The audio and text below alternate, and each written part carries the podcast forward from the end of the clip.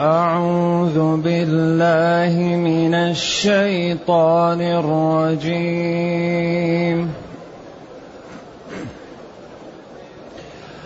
بسم الله الرحمن الرحيم. أأنتم أشد أشد خلقا أم السماء بناها رفع سمكها فسواها وأغطش ليلها وأخرج ضحاها وأغطش ليلها وأخرج ضحاها والأرض بعد ذلك دحاها أخرج منها ماءها والأرض بعد ذلك دحاها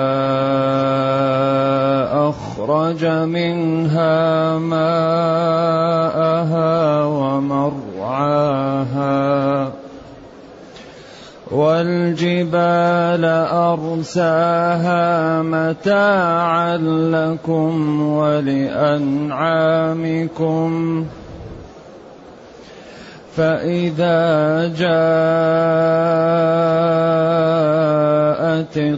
الطامة الكبرى.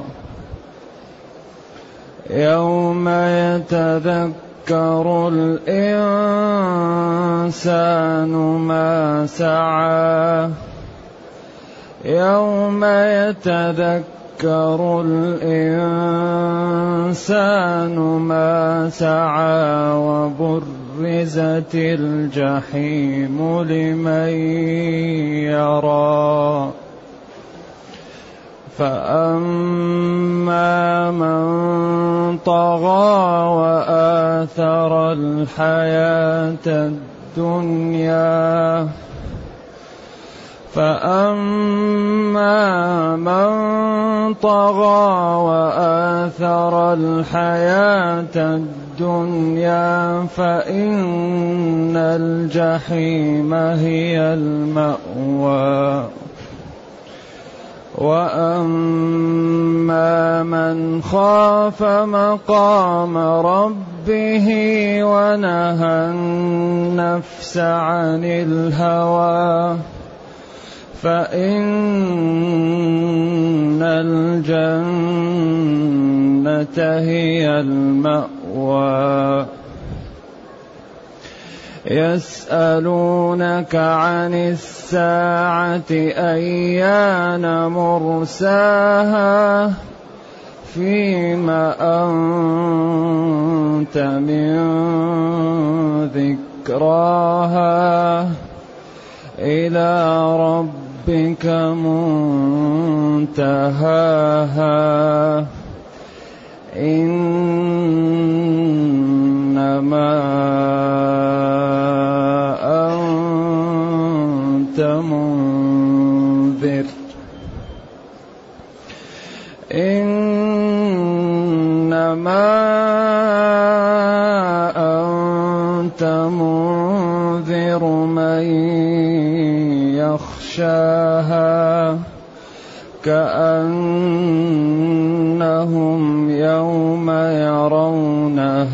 لم يلبثوا كأنهم يوم يرونها لم يلبثوا إلا عشية أو ضحاها. الحمد لله الذي أنزل إلينا أشمل كتاب وأرسل إلينا أفضل الرسل وجعلنا خير أمة أخرجت للناس. فله الحمد وله الشكر على هذه النعم العظيمة والآلاء الجسيمة والصلاة والسلام على خير خلق الله وعلى آله وأصحابه ومن اهتدى بهداه. أما بعد فإن الله تعالى يبين في هذه الآيات أنه قادر على ما أخبر به من إكرام المتقين وعقوبة المجرمين وأنه يحيي الأموات بعد أن كانت رميمة بقوله جل وعلا أأنتم أشد خلقا أم السماء؟ أأنتم أيها المخاطبون أصعب وأقوى وأشد خلقا أم السماء؟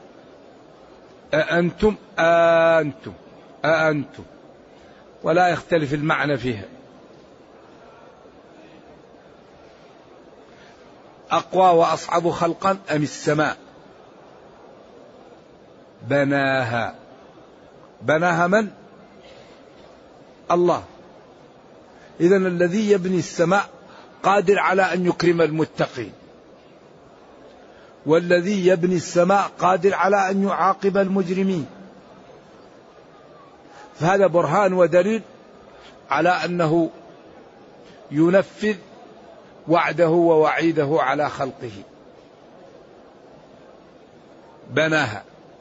والبناء هو المعروف بالبيوت أو الخيام أو القباب بنى الخيمة بنى القبة بنى البيت. هو يعني أخذ مادة وجعلها على طريقة يدخل في داخلها يسمى بناء. وأحيانا يسمى نصب نصب الخيمة. لكن يقال بناها يعني من باب التجوز. نعم. رفع سمكها. سقفها. الآن على التطور الموجود لا ما في أحد يعرف السماء ما هي. هل من قزاز؟ هل من رصاص؟ هل من حديد؟ هل من الحجارة؟ من, من أي شيء السماء معمولة؟ ما يعلمه إلا الله. و أو ما جاء في السنة لكن جاء أن السماء محفوظة وأنهم سبع وأنها سبع وأنها شداد وأنها لباب يفتح وأنها محروسة. لأن جبريل ورد في الحديث أنه يدق الباب. من جبريل ومن معه؟ محمد صلى الله عليه وسلم. أرسل إليه نعم فيفتح الباب. إذا السماء الدنيا لها أبواب والسماء الثانية لها إلى السابعة. وكل جزء من الرسل يسكن في سماء وكل قسم من السماء يسكنه ملائكته. وهذه أمور غيبية لا نتعدى فيها ما لا ما ورد في النصوص. لكن رفع سمك السماء. لكن السماء من أي شيء عملت؟ ما وقفت على أحاديث يقول إنها من المرمر أو من الذهب أو من الحجارة أو من الفضة أو من الق... ما ما ندري. والعلم الحديث يقول ما في سماء. العلم الحديث المبني يقول لا سماء أصلا. السماء في اللغة كل ما علاك كل ما علاك يسمى سماء في اللغة العربية. وقد يسمى كل مرتفع سماء وإنما الفضل حيث الشمس والقمر. وقال تعالى فليمدد بسبب إلى السماء إلى السقف. كل مرتفع يسمى سماء. ولذلك أشرنا في الدروس الماضية أن السماء قد تقال إلى مطلق ما علاك وقد تقال للسماء للمبنية. كل يقال له سماء. ويكون ذاك من نوع الاستخدام جعل في السماء بروجا المبنية وجعل فيها سراجا وقمرا منيرا مطلع ما علاك نعم. وهي التي عليها عندي درهم ونصفه أي نصف درهم آخر. وما يعمر من معمر ولا ينقص من عمره أي عمر معمر آخر. لأن اللي عمر ما نقص من عمره.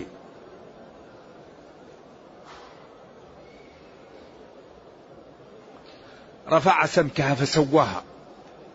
أتقن خلقها. ما فيها ندوب ما فيها محلات مفتوحة لا. سواها جعلها معتدلة متساوية.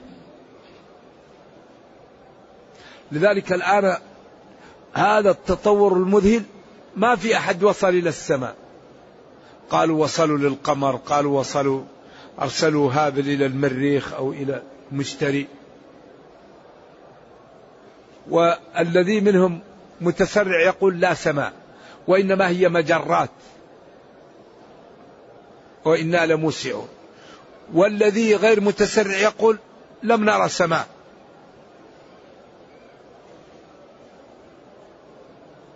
لذلك وما أوتيتم من العلم إلا قليلا. وما أوتيتم من العلم إلا الخضر ماذا قال لموسى؟ قال له ما عندك وما عندي من العلم لا ينقص من علم الله إلا كما ينقص هذا الطير من هذا الماء.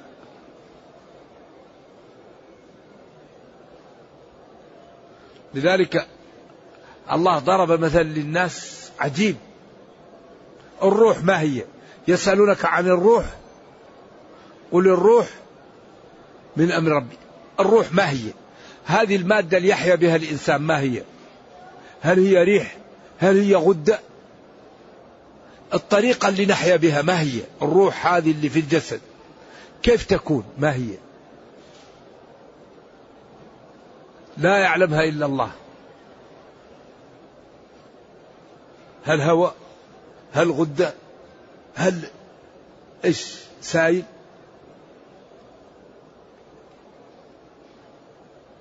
لذلك لو إنسان قفل عليه قزاز وترك فيه تؤخذ روحه ولو هو مقفول ما يقدر واحد يصل إليه.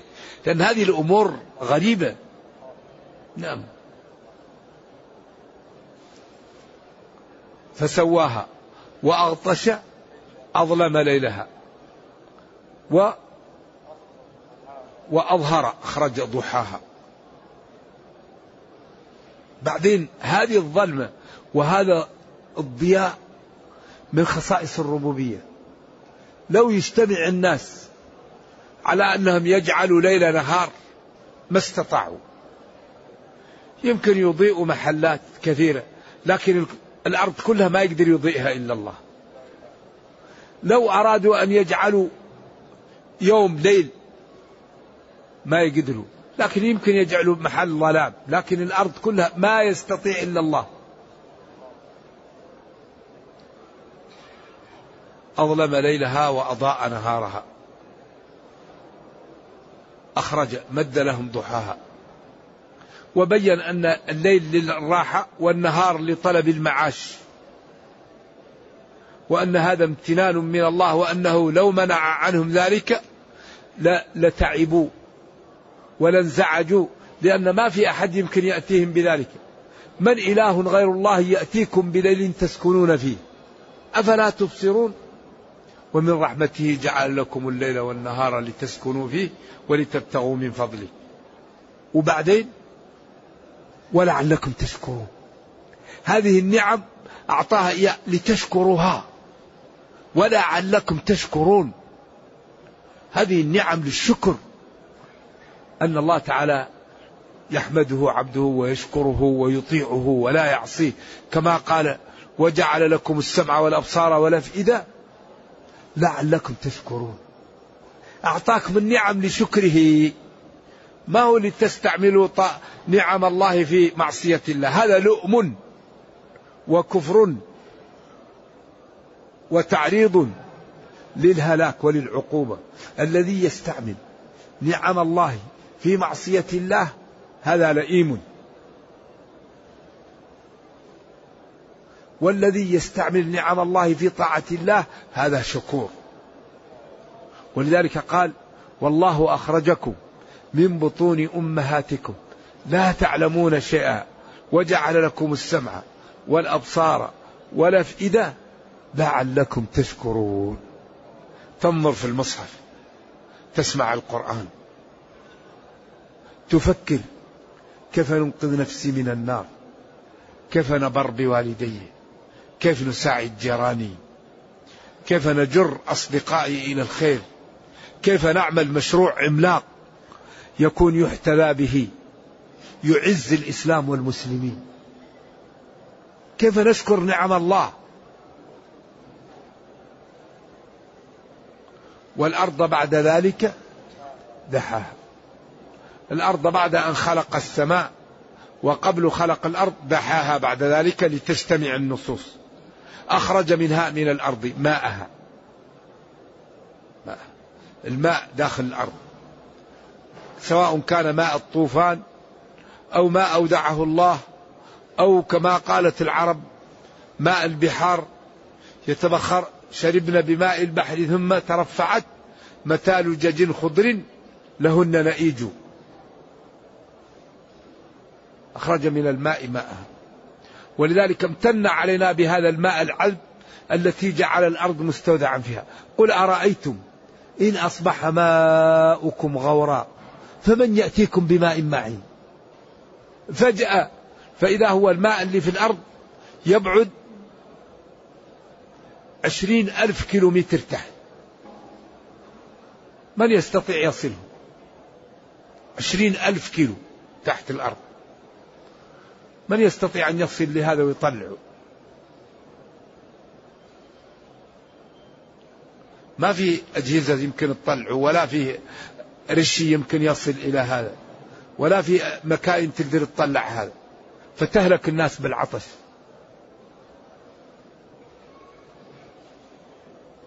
أخرج من الأرض ماءها ومرعاها. أخرج منها المرعى. ما ترعى فيه أنعامكم وما تش تستمتعون أنتم به. والجبال أرساها. جعلها أوتاد. والجبال أوتادا. وجعلنا في الأرض رواسي أن تميد بكم.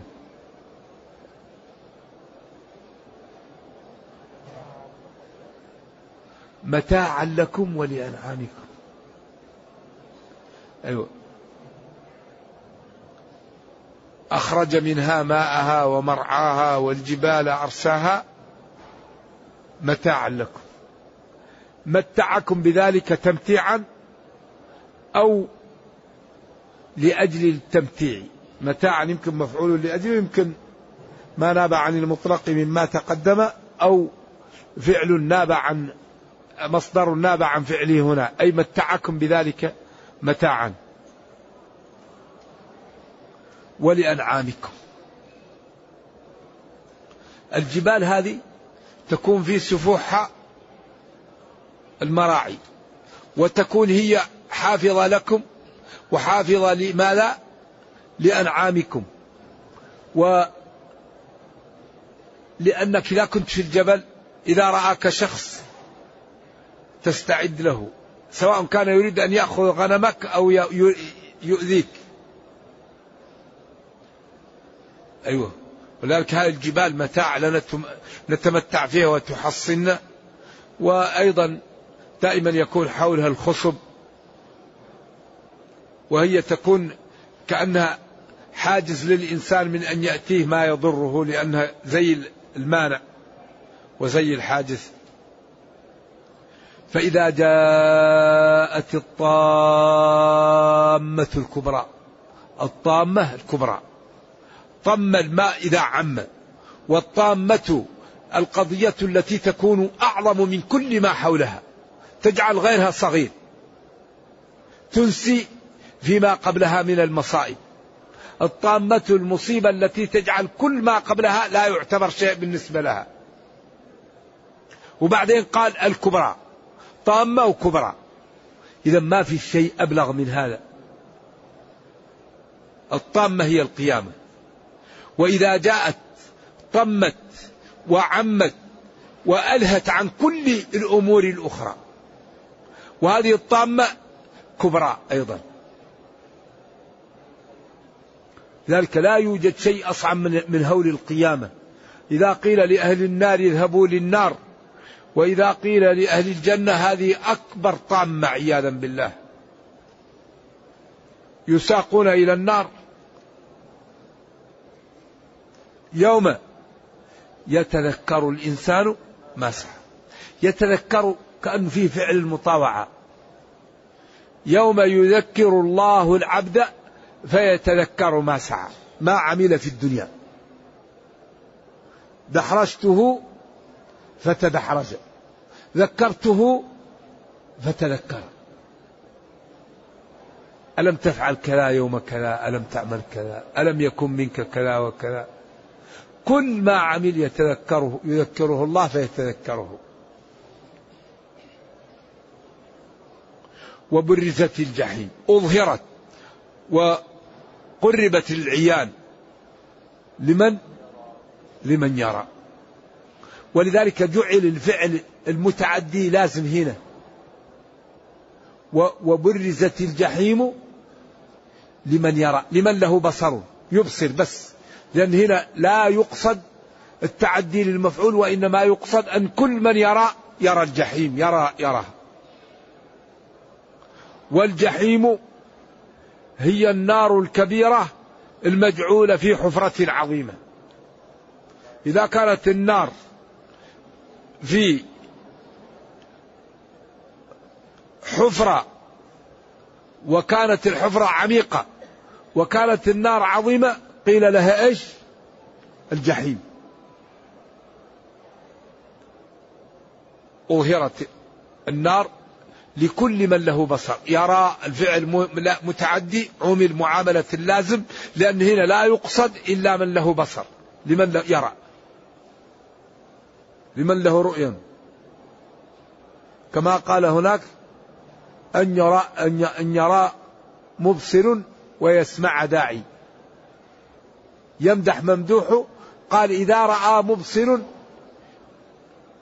يقع بصره على فضائلك وإذا دعا يسمع الناس تنادي بفضائلك. نعم. لذلك أحيانا الفعل اللازم المتعدي يعامل معاملة اللازم لأنه لا يقصد إسناده إلا إلى الحدث. كما قال جل وعلا هل يستوي الذين يعلمون والذين لا يعلمون؟ هنا لا يقصد من هو العالم وأي شيء علم. لا من اتصف بالعلم لا يستوي مع من اتصف بالجهل. لذلك عمل الفعل هنا معاملة اللازم لأنه لا يقصد إيقاعه على إنسان ولا على مفعول. ولكن من اتصف بهذا الحدث لا يستوي مع من اتصف بخلافه. فأما من طغى طغى لما طغى الماء تجبر تكبر عتى ظلم احتقر سب شتم كفر زاد في الضلال. وآثر الحياة الدنيا.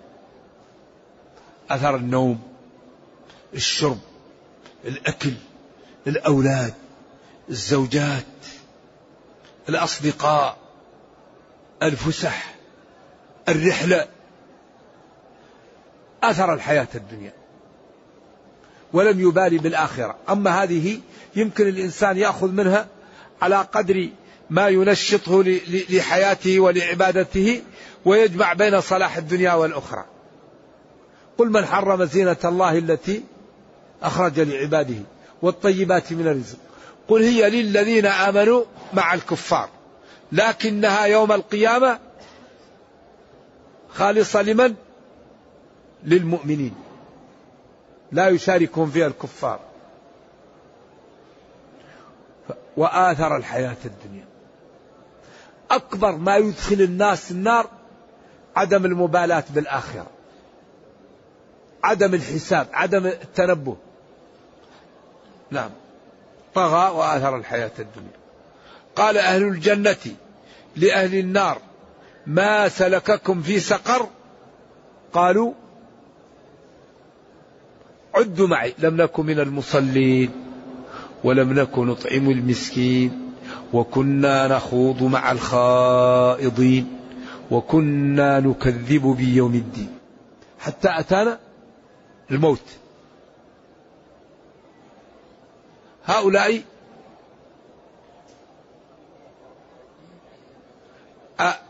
آثروا الحياة الدنيا. آثروا الحياة الدنيا. إذا قدموا عدم البذل عدم الصلاة.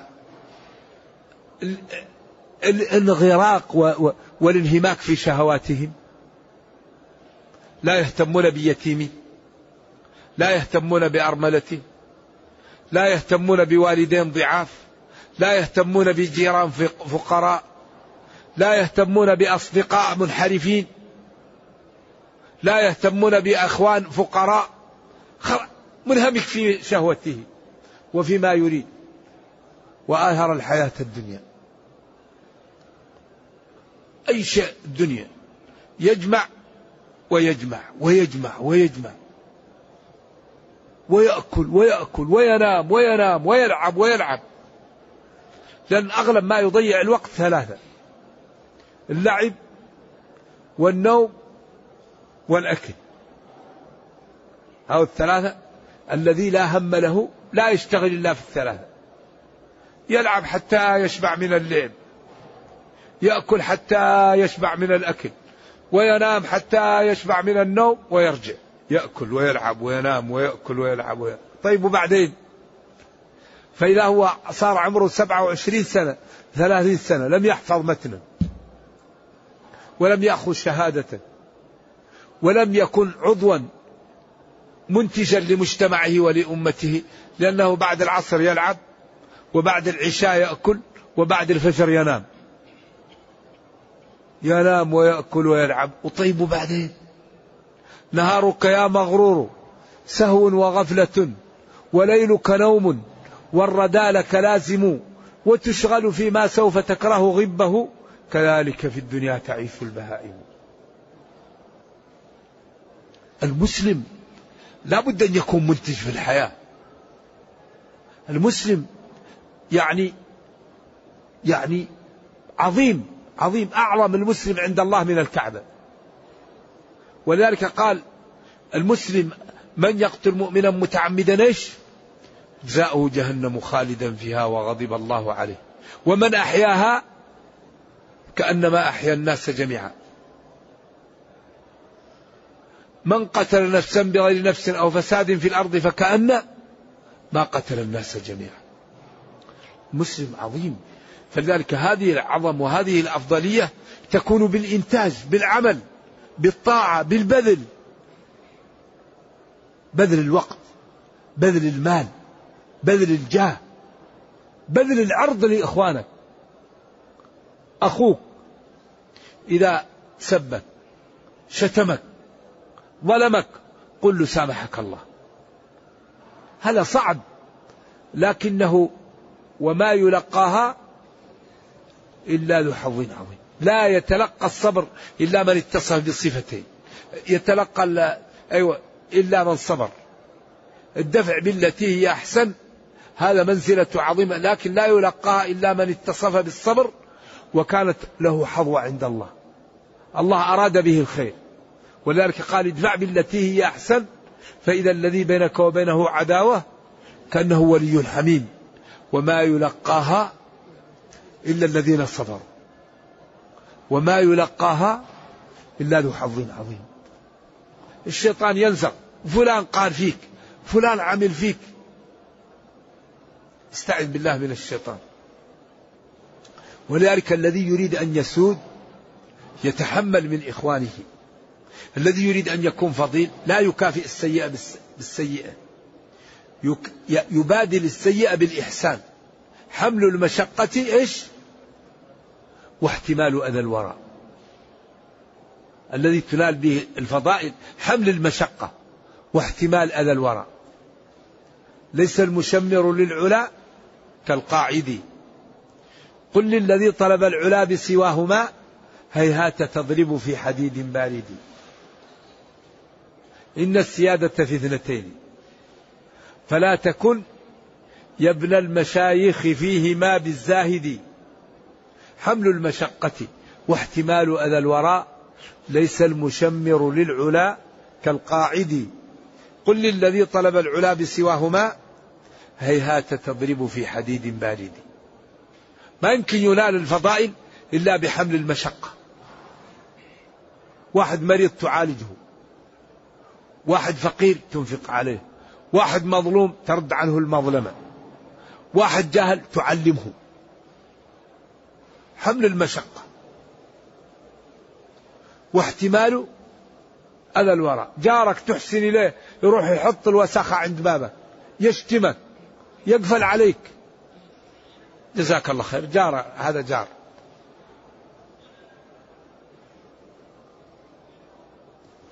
صديق يظلمك. زميل شريك يظلمك. احتمال أذى الورى ولذلك الذي يتحمل المشاق ويبذل هذا يكون فوق الناس. الفضائل لا تنال إلا بالتعب. ولذلك المتنبي ما لا يقول؟ ما لا يقول؟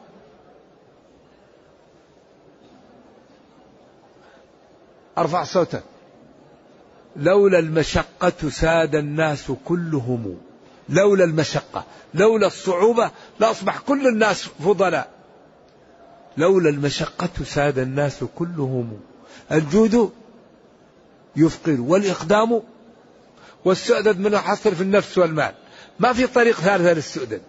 مالك تبني به المساجد تصلح بذات البين اثنين أصدقاء كانوا شركاء كل واحد يقول والله لا يديني حقي أو أفعل به وأفعل به. يبقوا يسووا مشكلة. كم من تطالبه به؟ خذ انتهت المشكلة. حمل المشقة. واحد يتكلم ويسب سامحك الله. واحتمال أذى الوراء. نعم. لأن الجود والإقدام هو الذي تنال به. الجود بالمال. الإقدام لنفسك تساعد الناس تموت دونها تتوسط لها تعلمها تؤطرها للدين ترفع هممها. ذلك هذه الأمور سهلة على من يسرها الله له. ولكن الله إيش؟ يمن على من يشاء من عباده. بعض الناس لا يتلذذ إلا بإكرام المسلمين. بعض الناس لا يتلذذ إلا بالتغاضي عن إخوانه. وبعض الناس لا يتلذذ إلا إذا لم يرى أحدا. يفرح إذا لم يدخل بيته أحد. والناس ما ليست سوا. بعض الناس يهيئها الله للفضائل. فتكون فتكون متعتها وشهوتها ومحبتها في التعب للناس. نبينا صلى الله عليه وسلم ما كان ابدا يغضب لنفسه. من سب شتم أغلظ القول لا يغضب لنفسه. نبينا صلى الله عليه وسلم ما كان يمسك شيئا لنفسه. كل ما جاء شيء يوزعه. لذلك ما خالطه شخص إلا أحبه. لم يخالط أحد النبي صلى الله عليه وسلم إلا أحبه. لما جبله الله عليه من الخلق الكريم والفضائل العظيمة والسلوك الحميد كل من يخالطه يحبه. يكفيك زيد جاءه أبوه أبوه وعمه وقالوا له من هذا أبي؟ هذا عمي. وقالوا له قال نشتريه منك بما أردت. قال أو غير ذلك. هذا موجود إذا اختاركم يذهب معكم. قال والله لا أختار أحدا عن محمد. يا زيد تريد الرق عن, عن, عن عمك وأبيك؟ قال لا والله ما رأيت مثله لا يمكن نفارقه. عند ذلك كافأه فقال اشهدوا أن زيدا من اليوم ابن محمد حتى قال ادعوهم لآبائهم. صلوات الله وسلامه عليه. وربنا يقول لقد كان لكم إيش؟ في رسول الله أسوة حسنة. فلا بد أن تعلو هممنا. ما يكون العاقل فلان قال لي وفلان عمل لي وفلان سوالي إيش هذا واحد يرفع نفسه. من قال إذا كان في قال الحق ولكنه عمل غيبة. وإذا لم يكن في لا يضرني. وبعدين المسلم ربه يدافع عنه. فيكفيه إذا كان صادقا يكفيه ربه. إن الله يدافع عن الذين آمنوا. أن تكون مسلم ولا يهمك. ربك سيدافع عنك وسينصرك وسيدمر من يريد أن يوصلك بأذية. فاطمئن واشتغل لربك. والله يحميك. لأنه قال أوفوا بعهدي وفي بعهدكم وقال ومن أصدق من الله قيلا. هذه الأمور لو نتنبه فيها تنفعنا في دنيانا وأخرانا وتعزنا. فأما من طغى وآثر الحياة الدنيا فإن الجحيم هي المأوى هي المنزل هي المنزل. وأما من خاف مقام ربه وقوفه بين يديه وجلاله وعظمته ونهى النفس عن الهوى. فإن الجنة هي المأوى. هذا ثقل الآية. هذا ثقل السورة. هاتان الجملتان يدور عليهما القرآن. وهي الأساس. كل القرآن يدور على هذا. إذا من من استقام نجا ومن كفر هلك. قال نبينا صلى الله عليه وسلم في صحيح البخاري ومسلم عن أبي هريرة رضي الله عنه. قال حجبت الجنة بالمكاره وحجبت النار بالشهوات. نص الصحيحين حجبت الجنة بالمكاره وحجبت النار بالشهوات. قال العلماء من اقتحم حجبات المكاره دخل الجنة بذل ماله. بذل وقته بذل جاهه بذل عرضه بذل من راحته غض بصره كف لسانه قام ليله صام نهاره. اقتحم حجبات المكاره دخل الجنة. ومن اقتحم حجبات الشهوات دخل ما لا جهنم. نظر كما يحلو له تكلم كما يحلو له. أضحك جلساءه بما يعلن له. كل الشهوات خلاص اقتحم حجبات إيش فدخل جهنم. نرجو الله جل وعلا. قال تعالى فأما من طغى وآثر الحياة الدنيا فإن الجحيم هي المأوى وأما من خاف مقام ربه وقوفه بين يدي ربه ونهى النفس عن الهوى فإن الجنة هي المأوى. طيب كأنه قال متى متى المأوى؟ يسألونك عن الساعة. أين الساعة؟ أين المأوى؟ أيوة أين أين القيامة التي فيها الجنة وفيها النار؟ يسألونك يا نبي عن الساعة. أيان مرساها؟ شوف تعبير بمرساها. كأن الساعة زي السفينة ترسو. لأن الحياة تمشي تمشي تمشي فإذا انتهت ترسو تأتي القيامة. رسوها مجيئها. كان مثل السفينة ترسو. أيان مجيء متى مجيئها؟ قال له ربه فيما أنت؟ فيما أنت من ذكرها أو فيما أنت من ذكرها؟ ما لك وما لها. الساعة عند الله لا تدري عنها. إلى ربك منتهاها. إلى ربك نهايتها ومجيئها. أما أنت فعليك أن تبلغ الناس.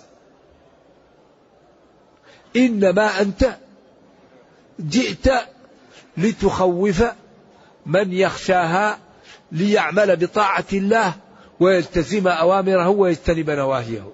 أنت منذر من يخشاها من يخافها. كأنهم أهل المحشر من الكفار. يوم يرونها يرون القيامة لم يلبثوا في قبورهم أو في قبورهم والمحشر إلا عشية أو ضحى ذلك اليوم أو ضحى أو ضحى العشية. والمقصود اليوم أول النهار أو آخره لما يجدون من هول يوم القيامة والخوف من مجيئه أيامهم في القبر. يا ربنا لا تقم الساعة. ولذلك قالوا كم لبثتم؟ قالوا لبثنا يوما أو بعض يوم فاسأل العادين. قال إن لبثتم إلا قليلا لو أنكم كنتم تعلمون. أفحسبتم أنما خلقناكم عبثا وأنكم إلينا لا ترجعون؟ أبعد هذا. الواحد لا يبالي. إذا يا أحبة البدار البدار. والرفق الرفقة البدار. للطاعة البدار بالتوبة والرفق. الرفق. وما يستطيعه مما أمر به يفعله. وما لا يستطيعه لا يكلفه ربه به وما نهي عنه يكف عنه لأنه لا تعب فيه. النهي ابتعدوا عنه. وما تستطيعون مما أمرتم به تفعلونه فافعلوه. وما لا تستطيعوا ربكم كريم. نرجو الله جل وعلا أن يرينا الحق حقا ويرزقنا اتباعه وأن يرينا الباطل باطلا ويرزقنا اجتنابه وأن لا يجعل الأمر ملتبسا علينا فنضل. اللهم ربنا أتنا في الدنيا حسنة وفي الآخرة حسنة وقنا عذاب النار. اللهم اختم بالسعادة آجالنا واقرم بالعافية غدونا وآصالنا واجعل إلى جنتك مصيرنا ومآلنا. سبحان ربك رب العزة عما يصفون. سلام على المرسلين والحمد لله رب العالمين. وصلى الله وسلم وبارك على نبينا محمد وعلى آله وصحبه. والسلام عليكم ورحمة الله وبركاته. السلام عليكم. غدا غدا إجازة.